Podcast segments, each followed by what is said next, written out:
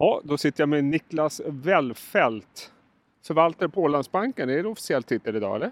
Ja, det får man säga. Man kan tänka sig många titlar men, men eh, jag jobbar med förvaltningen på, på Ålandsbanken. Jajamensan. Bra, då, då har jag träffat rätt person med ja. andra ord. Hör du, jag, jag, tänker rapportperioden har ju dragit igång på allvar. Det är det ingen snack om. Eh, känslan är väl ändå att återigen, precis som i Q2, har förväntningarna varit för låga. Är det din tanke också? Ja, det, alltså det har ju varit en våg utav eh, positiva vinstvarningar inför rapporterna. Så jag kan tänka mig att, att liksom mellan raderna, även om inte analytiker eh, alla överlag har hunnit justera upp in i rapportperioden, så skulle jag säga liksom att, att positiva vinstvarningar inför rapporterna och rapporterna bekräftar att, att eh, det ser bra ut.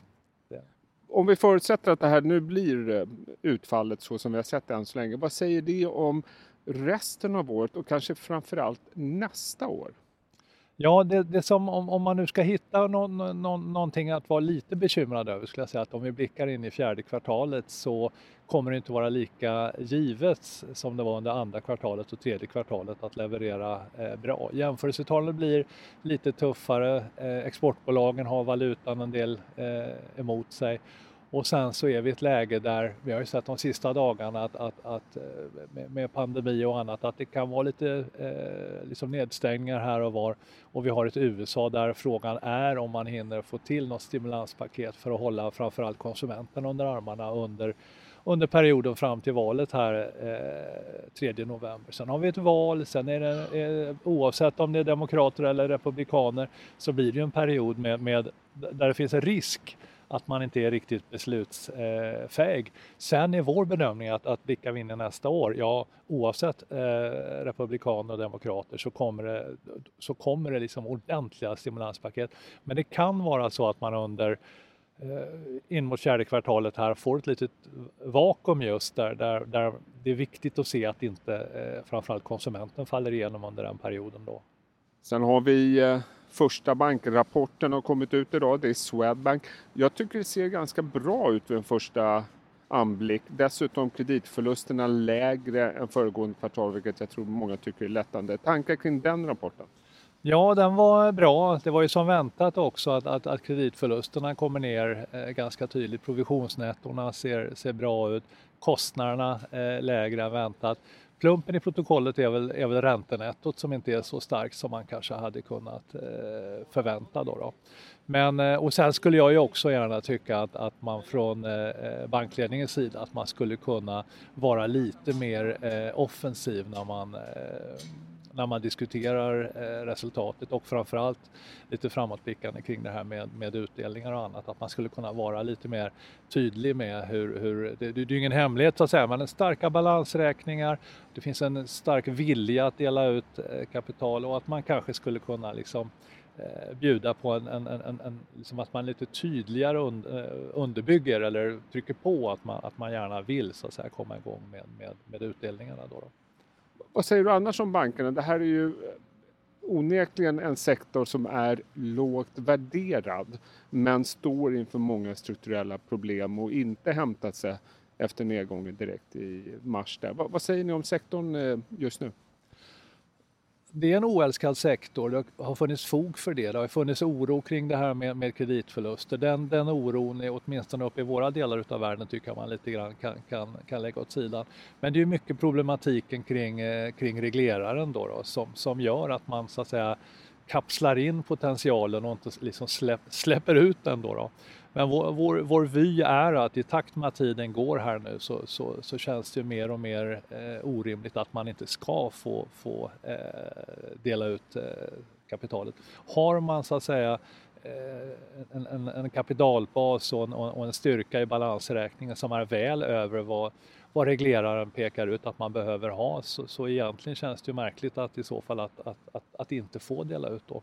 Sen ur Swedbanks perspektiv, det är klart att, att eh, året började med, med ganska häftiga kostnader kopplat till, till eh, utredningarna kring eh, penningtvätten och så vidare. Och sen har det varit lite tystare på den fronten under, under andra och tredje kvartalet.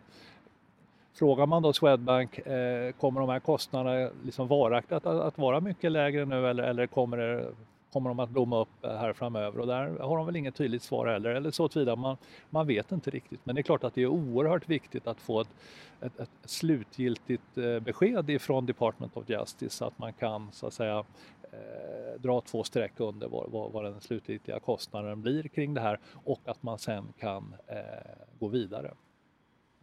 Stora Enso kom med rapport. Min känsla inför rapporten var att det var ganska många som såg fram emot den. Eh, rapporten såg väl ut att vara helt okej. Okay. Vad tar du med dig från den? Den var bra. Eh, operationellt så går det ju bra för de här delarna som är, är riktade mot eh, konsumentförpackningar. Andra delar som papper och så vidare som man vet har, har det tuffare.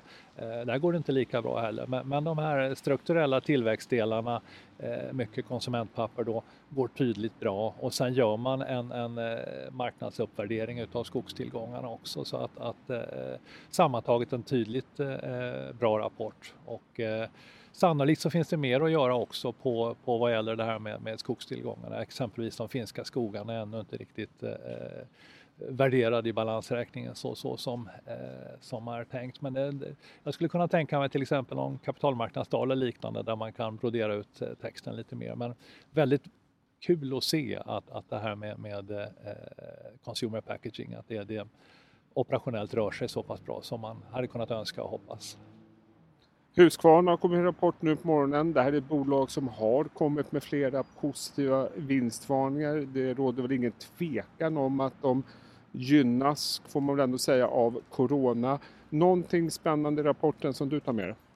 Ja, man kom ju med en, en, eh, i början på september eh, och man att, att de första två månaderna i, i, i tredje kvartalet, juli, augusti, hade sett eh, väldigt starka ut. bara. Eh, nu kom rapporten, det visar ju att, att september också såg väldigt bra ut. Eh, man har ju eh, visat, tycker jag, liksom att det kan finnas anledning att, att dra upp marginalförväntningarna eh, med tanke på den mix man har i sin produktportfölj här dra upp marginalförväntningarna, extra på, alltså dra fram den trenden en del. Och ur det perspektivet så tycker jag att det ser spännande ut också om man blickar in 2021 och kanske till och med 2022. Det är ett lite annat företag, eller ja, det är ett mycket annat företag, men, men det är också mycket med det här att koppla ihop produkter, att, att, att hitta tekniska lösningar som eh, som ofta är då eh, också innebär goda marginaler för Husqvarna. Så att, att det var en, en, en, tydligt, eh, en tydligt förväntad bra rapport, så kan vi säga. Samtidigt om man tittar på aktien, är PE 20 plus, runt 20. Aktien är upp 40 procent i år. Man har en tillväxt på 14 procent i det här kvartalet. Är det hållbart? Är det så att marknaden spänner bågen lite väl mycket i ett sånt här bolag? För det vi pratade om tidigare med nästa år, det blir ju tuffa jämförelsesiffror. Det blir det. Eh, men vår bedömning är ändå att, att framförallt den här mixeffekten, att du får mer och mer produkter med, med goda marginaler. Och sen kan jag också tänka mig eh, att, att, om det nu var många som semestrade på hemmaplan eh, i år att eh, jag kan tänka mig också nästa år att, att många har eh, gjort en satsning på att, att eller liksom mentalt börjat fundera på eh, villaträdgårdar och annat att, att pyssla mer med sina, eh, med sina trädgårdar, att, att det är någonting som, som eh, kommer gynna Gardena, ja, Husqvarna generellt sett. Då, då. Men, men att, att eh, nej, men vi tycker liksom att, att eh, marginal, framförallt marginal, alltså bra volymtillväxt men också kryddat med en bra marginalutveckling då, att det kan vara någonting som gynnar det här bolaget. Värderingen är inte låg men vi tycker att, att eh, det känns ändå vettigt, det känns bra. Sen har vi ett av de större fastighetsbolagen som har kommit med en rapport. Det är Fabg. Eh, vad tar du med från den? Kvalitetsbolag som har utvecklats väldigt starkt de sista eh, fem åren. Den här rapporten, det var inte så mycket eh, nytt i den egentligen operationellt att, att det, det är eh, lite svagare kanske. Däremot så har du eh, substansvärdes, eh, alltså uppskrivningar utav fastighetsvärden och annat. Då, då. Så att det ser väl bra ut, det fortsätter att se bra ut för, för sektorn. Man kommer ju ha väldigt låga räntor under överskådlig framtid. Naturligtvis kommer det vara frågetecken eh, under en period hur, hur så att säga, Eh, hyresmarknad och annat, kontor, eh, fastigheter i, i allmänhet, hur, hur det kommer att se ut i kölvattnet på, eh, på pandemin. Då, då. Men, men det, det, är ett riktigt kvalitetsbolag. Och det här är också en sektor, precis som bankerna, som ja, nu på slutet har faktiskt fastighetsbranschen kommit igång igen men fortfarande laggar övriga börsen. Du är ju gammal makroman, tittat mycket på räntor. Intrycket är ju ändå att kreditmarknaden funkar bra för de här bolagen som är beroende av eh, belåning och snurrar dem. Vad, vad säger du om branschen som helhet just nu? Ja, alltså vad gäller eh, synen på, eh, på räntor framöver i största allmänhet så är det ju ganska tydligt att, att eh, centralbankerna som till syvende och sist bestämmer rätt mycket över hur räntestrukturerna ser ut, och både korta och långa räntor. Eh, centralbankerna kommer ju bedriva en extremt expansiv penningpolitik under överskådlig framtid. Eh, och då, då pratar vi liksom inte bara i år och nästa år utan jag skulle säga 2022 och 2023. Det kommer fortsätta vara extremt låga räntor därför att man säger ju nu från flera centralbanker att, att inflationen måste varaktigt komma upp och, och egentligen etablera sig på nivåer väl över det som, som, som centralbankerna vill se i genomsnitt. Och så länge vi har liksom tydligt med lediga resurser resurser i ekonomin, en, en arbetsmarknad som fortsätter att vara Eh, förhållandevis svag i kölvattnet på den, den eh, recession som vi har gått igenom då, eller befinner oss fortfarande i så är det, det är väldigt svårt att se att vi har sådana kapacitetsrestriktioner i ekonomin att vi får kostnadsproblem som i förlängningen ger, ger en inflation. Så extremt låg ränta under överskådlig eh, tid framöver är naturligtvis en, en, en, någonting att ta avstamp i för, för fastighetsbolagen då som kan jobbar väldigt mycket med sina fastighetsbestånd. Eh, det finns mycket intressanta transaktioner att göra, mycket renodlingar fortfarande som kan göras för de här olika bolagen och eh, ja, mycket, mycket goda affärsmöjligheter kvarstår så att, att det, är en sektor som vi är i allmänhet också klart positiva till. Och så rundar vi av den här lilla träffen du och jag med och pratar lite kort om Tele2 som kommer rapport nu på morgonen jag tycker den såg ganska stabil ut. Jag såg när vi sitter här så var aktien ner lite grann. Tankar kring den? Ja, den var väl ganska mycket i linje med, med förväntningar. Det som stack ut var väl att, att kassaflödena såg tydligt starka ut.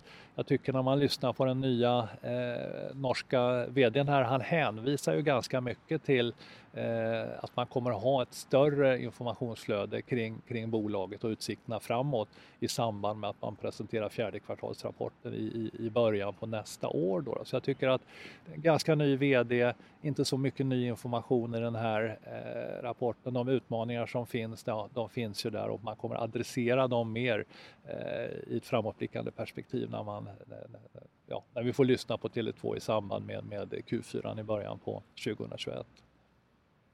Niklas Välfelt, alltid lika spännande att sitta och prata aktier med dig. Ha en fortsatt bra dag och lycka till i Rapportdjungeln. Tack så mycket. Tack, trevligt att vara här.